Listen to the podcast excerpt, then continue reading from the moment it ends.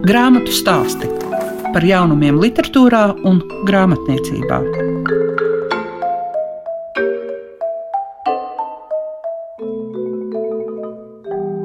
Grāmatu stāstu laiks ir klāts. Tas, protams, skan klasikā. Kopā ar jums esmu es Liega Piešiņa. Un šīs dienas raidījumā mēs pievērsīsimies Eduardam Veidenbaumam. Tātad runāsim par Arno Junzes grāmatu Es nemiršu nekad. Kā arī atgādināsim par Karlosu Ruisu Safonu, jo iznākusi ceturtā noslēdzošā cikla grāmata Rēgu labirints. Grāmatu stāsti tiem, kam grāmatu lasīšana ir vērtība. Sērijā es esmu, ir jaunums. Tas ir Arno Junzes, es nemiršu nekad. Un šī gadījumā galvenais varonis ir Edvards Veidenbaums. Šajā sērijā iznākušās grāmatas parasti ir divas vai būs divas. Viens ir literatūras zinātnieka monogrāfija par šo autoru, un no otras puses tas ir rakstnieka stāsts, vīzija, versija. Pirmajā personā rakstīta tie spēles noteikumi. Bet Arno Junze, man liekas, ka tev ir diezgan divdomīga tā situācija, tāpēc ka tu jau pēc profesijas esi arī literatūras zinātnieks. Nu, vai vismaz bija nesmījies, bet nu, tā tas ir. Vai tagad, kad jau nu, darbs ir padarīts, gribētos vairāk uzrakstīt kā literatūras zinātniekam vai kā rakstniekam? Sākumā nu, bija tas brīdis, kad mēs tur visi mācām muzejā materiālus, un tur ārkārtīgi dega un vajadzēja grābt visu. Nu, tu tā kā sīkstūs vienkārši ar telefonu fotografē materiālus, mums bija atļauts to darīt, un, un, un jo ātrāk tu savāks un aizstieps no turienes, tāpēc, ka remonts nāca virsū un sliedzās ciet. Tad es arī sagrābos kaudžu kaudzē, un pēc tam mājās sēdēju un domāju, ko es esmu izdarījis. Jo, jo principā, man ir tā monogrāfijas rakstīšanas pieredze. Es to esmu vienreiz izdarījis, un es vācu pēc tā parauga acīm, redzot zemapziņā, ka tā vajag. Un tad man bija diezgan liela vilšanās, jo es sapratu, ka tie visi skaistie dokumenti un viss, ko es tur esmu izkopējis un sakopējis un savācis, man kaut ko jau pasaka, bet nepasaka neko, lai es uzrakstītu romānu. Un tad tā kā man bija drusku tā sajūta. Un otra lieta, man jau joprojām pienāk informācija par Veidenbaumu. Es arī braukšu braukšu uz Rūjienu. Tagad man būs tikšanās tur ar lasītājiem un vietējiem zinātājiem. Es ceru, varbūt kaut kas uzpeldēs saistībā ar Olgu Lossu un fotografijām un visu pārējo, jo tas Rūjienas periods bija kaut kā nu, noklusēts. Bet es domāju, ka Veidenbaumam tā bija tā laimes sala, tā skaistā vieta, kur viņš atplauka, jo tur bija tā labā kompānija. Viņi varēja muzicēt. Un daudz brīnās, ko Veidenbaums vai tad arī muzicē, bet jā, viņš tiešām apguva jau cēlus skolām violi, kā laika biedri raksta raksta, ka viņš nebija tāds izcils violnieks, bet viņš ļoti labprāt spēlēja un tautas dziesmas, un tas latviešu repertuārs un arī balīšu repertuārs. To viņš spēlēja ar lielu baudu un patiku. Mājās arī viņi visi dziedāja, taču svētdienās tajos mājas dievkalpojumos. Es domāju, ka Vēdenbaum bija pietiekami muzikāli. Tas ir vēl viens varbūt viņa talants. Un Rūjēnā tur bija viss. Tur bija labi draugi, tur bija kompānija. Viņi dziedāja korī, viņi muzicēja, un te viņi gāja pēc tam tur uz krodziņu. Un krodziņā varbūt izdzēra kādu pudeli alu, nekāda žūpošana jau tur nenotika, bet tā bija tā nu, labā bohēmiskā vide. Un tad man šķiet, tā bija tā Mihelsona māsa, kur uzstāja, ka viņš ir jāiepazīstina ar viņas skolotāju. Viņš tā kā negribēja, jo viņš vispār, man liekas, no sievietēm vairījās, jo viņš bija saskatījies tās pašnāvības jocīgās, kas tur notika viņam visapkārt jau no ģimnāzijas laikiem. Liekas, vēl tas, ka viņi abi ar Kārli tika uzskatīti par šausmīgi nesmukiem un maziņiem. Un maziņiem.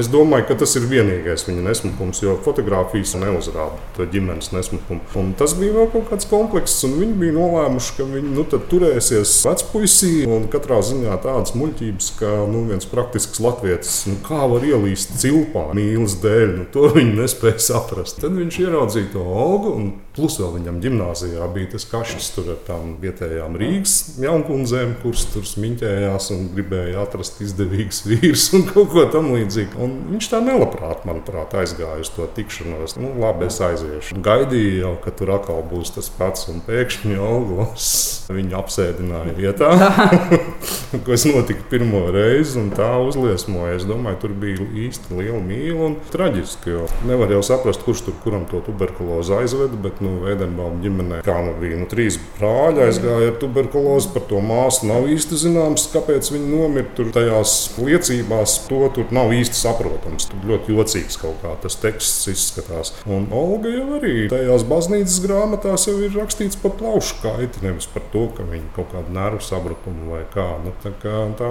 briesmīgā pandēmija, kas toreiz bija daudz šaušalīgāka nekā tagad, tā jau liekas, kad rakstīja, tad visu laiku nācās salīdzināt toreiz un tagad un tos apstākļus. Un tur redz, nekas jau nav mainījies. Tad bija tuberkuloze, tagad ir kaut kāds covid, pēc tam būs vēl kaut kas. Es atceros arī to aicu laikmetu, kad visi baidījās, kas nu notiks. Nu, Nu tā, tā mūsu dzīve ir. Un visu laiku mēs tā kā, kā Blaumanīts teica, nāves ēnā esam. Tur jau neviens nevar neizdarīt, ne pasargāt sevi, ne ieplānot, kā notiek, tā notiek. Tas princips, kas ir kā šīs vairākas dienas, kas ir jau Edvards Veidenbauma pēdējās dienas, un tie atskati uz dažādiem laikiem, tas atnāca tā uzreiz, ne. vai kā tas ne. bija?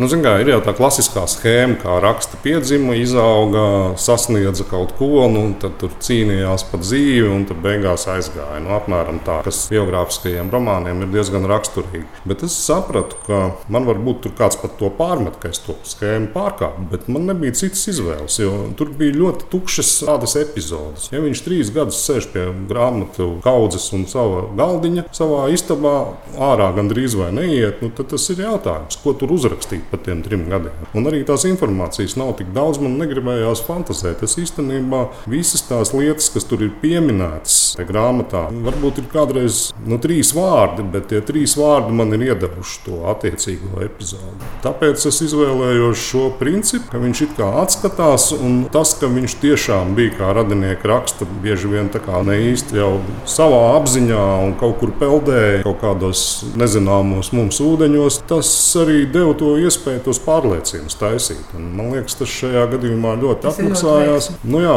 tas, ko es gribēju, es gribēju viņu uzrakstīt tādu īsi Un par galveno, jo tāds bija pats Vēdenbaums, tas atbilst viņa būtībai. Es nevarēju rakstīt, kā man patīk, tur uz miljonus zīmēm, milzīgu ķieģeli, jo tas ir Vēdenbaums. Es mēģināju, zinot, ka viņš vispār ar cilvēkiem dažkārt arī nerunāja, vai runāja ļoti maz, nu, tad viņš reizēm atvērās labā kompānijā, un tad viņš bija tā kā spārnots. Un tad man arī ir tādi mazi teikumiņi, un dažās vietās viņš atverās, un tad viņš kaut ko mums pastāsta, un tā apmēram. Es centos ļoti parādīt Eduardu nu, tādu kā es viņu redzu. Un ļoti godīgi, un Jūnis pabāzes zem, zem tepiņa, un tur romānā saimnieko Edvards. Un kaut kā es ļoti gribēju, lai nav tāda mana attieksme, un es viņu tagad vērtēju. Es viņu nevērtēju. Es uzskatu viņu par dižu meistaru, par ģeniālu cilvēku, kas nodzīvoja traģiski maz un neizdarīja gandrīz nekā no tā, ko viņš būtu varējis izdarīt. Bet vienalga tas jautājums, kas man visu laiku bija, nu, kāpēc viņš nav kanonā? Kāpēc viņa vārdā nosauktās ielas, piemēram, Rīgā likvidēja. Es uzskatu, ka tas bija negodīgi. Kaut arī, protams, es saprotu to situāciju, ka baznīcas ielu vajadzēja atjaunot veco nosaukumu, bet tas, ka viņš tur bija pataisīts par tādu komunistu mazo leņķinu, latviešu, kas galīgi neatbild nekādiem faktiem, nu, es domāju, ka viņš būtu pelnījis vairāk arī mūsu tautas piemiņu un pateicību, jo mēs visi uz tiem tekstiem esam auguši.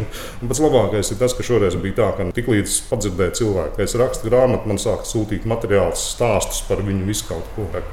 Visiem viņš joprojām ir mīļš un tuvs. Cik lielā mērā, tavuprāt, Vēdenbaums nemaz nedomāja, ka viņš ir labs literāts. Jo tajā ļoti tas nāk laukā, manuprāt, vismaz es to tā nolasīju, ka viņš bija iedomājies, ka viņš varētu būt vienalga kas, bet tikai ne literāts. Kāds viņš ir palicis īstenībā mūsu atmiņā? Nu, zini, no sākuma es domāju, ka tur tiešām bija tas, ka viņš nedomāja, ka viņš ir labs. Jo, nu kā, nu es uzrakstu savus dzējoļus, es aizsūtu, man pat neatbild neviens. Es uzrakstu vēlreiz kaut ko aizsūtu, man atkal neatbild. Bet tad, kad viņam studenti sāka prasīt, lai iedod tur palasīt tās kladītes. Es domāju, viņš jau saprata, ka viņš tomēr ir kaut ko vērts.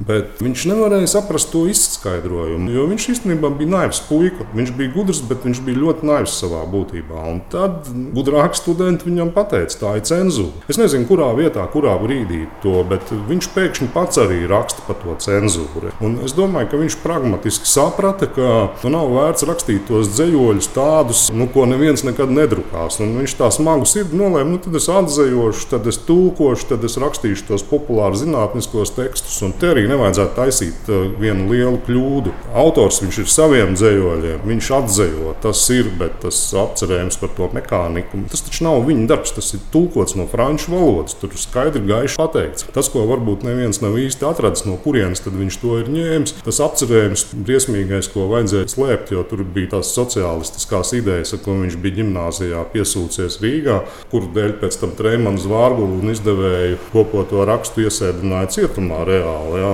arī tā izdevniecība ar to patiesībā beidzās drīz. Arī tas taču bija kompilēts. Tas jau nebija vairs viņa autora darbs, tā varētu teikt. Un tāpēc vajadzētu arī diezgan piesardzīgi tagad runājot par šiem darbiem. Tomēr pateikt, ka viņš ir tulkotājs. Tas ir kaut kas cits. Protams, kā jau viņi toreiz tulkoja brīvi un pierakstīja varbūt no sevis kaut ko klāt, bet pamats bija cits. Nebija vēl autora tiesību likuma. toreiz nebija tieši tā. Es domāju, viņi ar Kārlu varbūt arī ar tiem zejoļiem mainījās. Un visi uzskata, ka nu, Kārlis varbūt tur kaut ko ir paņēmis no Eduarda, bet es uzskatu, ka Eduardam ir daži zejoļi, kas nav viņam īstenībā raksturīgi. Un tad ir tā viena atbilde, nu, A variants. Varbūt viņš nolēma uzrakstīt kaut ko tādu, lai tomēr varētu publicēt, bet viņam pašam tā kā nērti no tā. Un B variants varbūt ir Kārļa zejoļi. Tas arī varētu būt, jo Kārlis bija apdāvināts citās jomās vairāk, un kā dzinieks viņš noteikti nebija tik talantīgs un arī uz tām valodām, uz visu. Es domāju, ka Kārlis vairāk bija tāds cilvēks, rēķinātājs vai saimniecisks cilvēks. Jo principā viņš ļoti azartiski spēlēja ar kalāčiem, ņēma tos kredītus, tur staigāja uz naža asmens, bet nu, gal galā tās saimniecības pamatu viņš ielika. Tēvs tur bija sācis, tēvs nomira. Tad bija tas periods, kad tur bija priekšnieks Brunčos, mamma, kas visu noteica, un tad mazo Kārli ieved krogā. Puika, jā, tad droši vien tas viņa tas priekšstrādnieks un saka, šis ir kalāčs saimnieks. Nu, ha, ha, ha, tā krogā droši vien tajā brīdī bija. Nu, iedomājies, tur tie vīri tajās cepurēs sēž un, un dzer alu un atved tādu knauķu, un tas tagad ir saimnieks, un ar viņu kaut kas jālīgs. Tā situācija jau bija diezgan traģiska patiesībā, bet nu, viņš tomēr kaut kā spēja noturēties. Īstenībā arī es sevi ļoti turēju rokās, lai nesāktu taisīt tās blakus līnijas vairāk. Gan par Kārlu to stāstu, gan par tām māsām, bet tad es sapratu, ka no nu atkal tas būs ķieģelis milzīgs, un, un tomēr tas uzdevums par Eduardu uzrakstīt, un man arī ļoti gribējās pateikt tās lietas, ko es redzu, gan to, ka viņš nebija sociālists, gan to, ka viņš nebija dumpinieks, jo klausīja tāpat mammai un ģimenei. Un tā viņam bija milzīga traģēdija, tās atcelšanās, gan to, ka viņš bija vienpats, un to, ka bija tā skaistā epizode ar Olgu, kas nebija kaut kas maznozīmīgs. Un, parādīt arī to viņa to ģenialitāti, savā ziņā apsēstību, trakumu, ka viņš var mesties pēkšņi kaut kur uz kaut kādu celmu un uzrakstīt to dzējoli un, un, un to visu, kas tur ir gaisā virmoja vai viņa prātā virmoja. Un, nu, es domāju, tur visiem tiem tracīšiem, cik nu tie trači tur vispār bija, varbūt pieci, varbūt seši tais krogos. Bet tam, viņus piedomāja arī. Nu, viņus jau pēc tam piedomāja, protams, ka tur jau daudz kas ir piefantazēts klāt. Ja? Nu, ir piemēram tas fakts tāds, ko stāsta vairāk, ka viņš ar Treimanu un ar Kārlu esot ziemā braucis ar kamanām, kādās varētu būt ap jauno gadu vai pēc jaunā gada. Tur pa apkārtnes krogiem pasvinēt drusku. Es ticamāk, nu, viņš ir bijis varbūt būt vienā krogā. Un tad tas stāsts turpinājums, ka Edvards esot rakstījis daudz dzējoļus, pēc tam saņems to papīru bumbiņā un nomets pie krāsnes, lai krodzinieks viņu sadedzina. Pirmkārt, redzot, kā viņš taupīja to papīru un uz kādiem krāmiem netīriem viņš rakstīja tos tekstus, nu viņš nekad neatļautos nomest papīru, kuram otra puse būtu neaprakstīta. Tas ir viens. Otrkārt,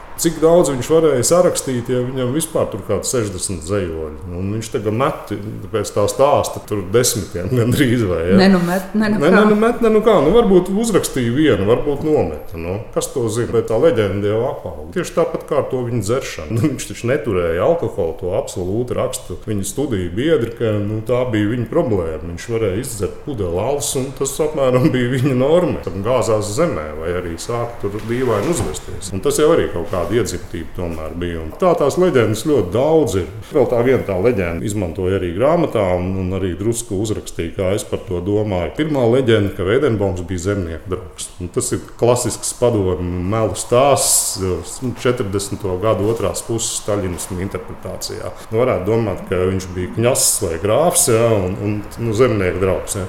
Un tad tas otrs stāsts, ka tie apkrāptie zemnieki viņam pasūdzās, ka viņiem pa mazu samaksāts tajā Eiropas dzelzceļa būvdarba laikā viņi tur veduši vezumos ir granti. Nu, Veidenbaums, nu kā, nu, tur jau elementāri var aprēķināt, un uz matemātiku viņam bija ķēriens. Viņš sarēķina, cik tur ir aizvests, cik par to būtu jāsamaksā, iedot to aprēķinu zemniekiem. Tie aizbrauc uz cēsīm, pasūdzās kaut kādam tam būvdarba vadonim un dabūt to naudu. Tas tā tiek pasniegts, ka viņš tur tā kā, nu, apmēram tā kā ļeņķina tie stāsti par viņu bērnībā, kā viņš tur par godīgumu un taisnību cīnījās. Nu, diezgan pretīgi. Bet patiesībā jau es domāju, ka varbūt tas aprēķins arī bija un viņš iedeva. Bet vai tie zemnieki viņam paldies par to pateica? Es domāju, viņš bija tāds švauks, viņš bija nesaprotams uz tās vidas, dzīvoja tā kā mužnieku bērns, mācījās, negāja darbos. Viņi nekad arī vīzēs nebija staigājuši brāļi, vienmēr bija ādas apauga, tomēr kājās. Viņi atšķirās atšķīrās no tās zemnieku vidas. Viņš varēja atbalstīt, es saprotu, jā, un katrs latviečs sirdī ir zemnieks. Tas jau vēl tagad ir, bet uh, viņš nepiederēja tai vidē, no kuras viņš bija nācis. Viņš bija kaut kur ārpus aizgājis.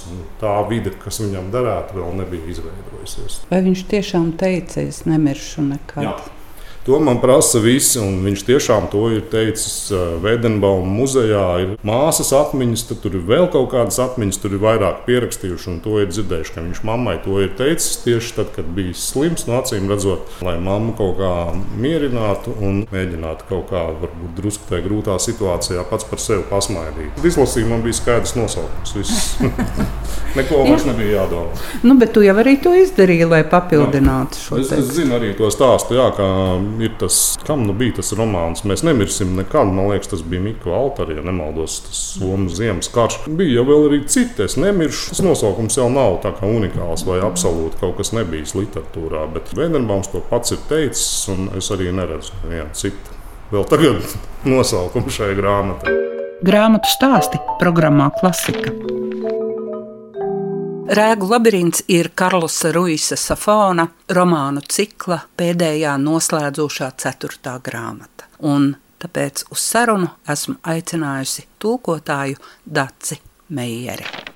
Jā, tulkoju ilgi un grūti, bet ar misijas apziņu es atzīšos, es pati neesmu pats lielākais safona daļradas fans un cienītājs, bet tieši zinot, ka šīm grāmatām ir ļoti daudz cienītāju un viņi nepacietīgi gaidīja arī ceturto daļu, es cītīgi pārrakstīju arī šīs aptuveni tūkstošu lapuses. Grāmata, protams, ir aizraujoša. Manuprāt, tas, kas lasītājiem šajās grāmatās visvairāk patīk, ir tā sajūta, kuru mēs pratām gūt bērnībā, lasot piedzīvojumu grāmatas klasiskās klasiskos detektīvus, klasiskos ceļojumu stāstus un par Šerloku Holmsu vai Žila Verna piedzīvojumus un, un tam līdzīgas grāmatas. Safons dīvainā kārtā prot to sajūtu viltot. Un mūsdienu lasītāji, pieaugušie lasītāji, nezina, kā to sajūtu noķer. Ir daudz, kurus Safona romāni kaitina, kurus saka, nu, tas ir literatūra, nevis literatūra, bet manuprāt, tieši par šo māku atdarināt senos feļetonu romānus, seno izklaidējošo literatūru, viņš ir visnotaļ cildināms.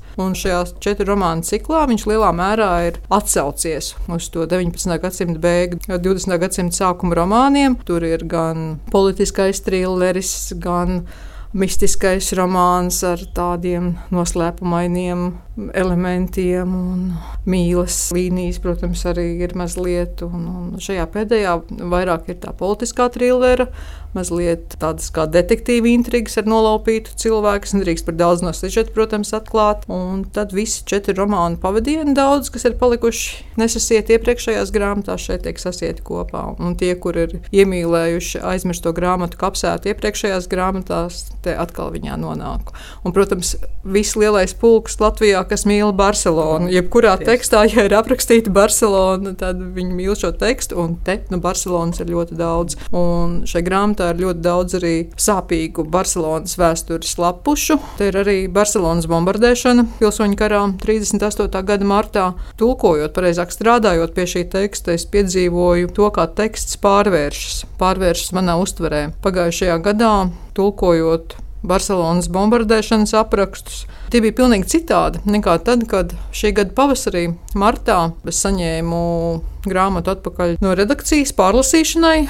Tas bija laiks, kad mēs visi ļoti nervozi caurām dienām lasījām ziņas par citas zemes bombardēšanu, un tas pēkšņi tik ļoti sasaucās ar Ukrajinu. Visi šie bezjēdzīgie kari un bezjēdzīgo iebrucēji, un tad pārlasīt tekstu par bombardēšanās nogalinātiem bērniem Barcelonas ielās, par to, kā barcelonieši slēpjas metro stacijās pirms aviācijas uzlidojumiem. Tik savādi tas pēkšņi sasaucas un teksts pēkšņi kļūst spēcīgāks.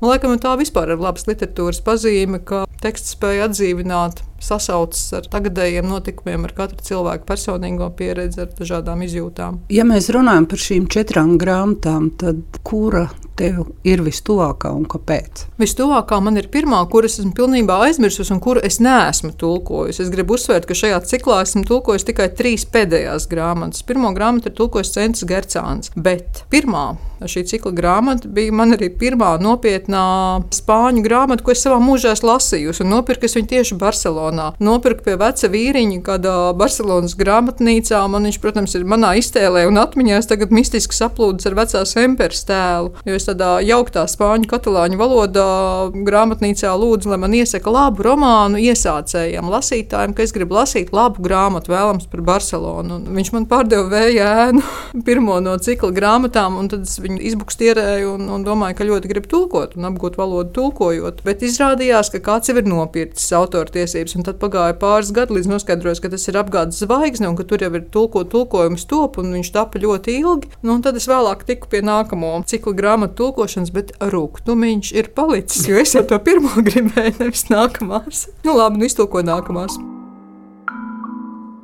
Izskan grāmatu stāstī. Šīs dienas raidījumā dzirdējāt Arno Junzi, kurš stāstīja par Veidenbaumam veltīto grāmatu Es nemiršu nekad, un Dāci Meijere, kura iepazīstināja ar Karlosa Ruisa Safona Rēgu labirints. Līdz citai reizei visu labu jums saka Liega Piešiņa.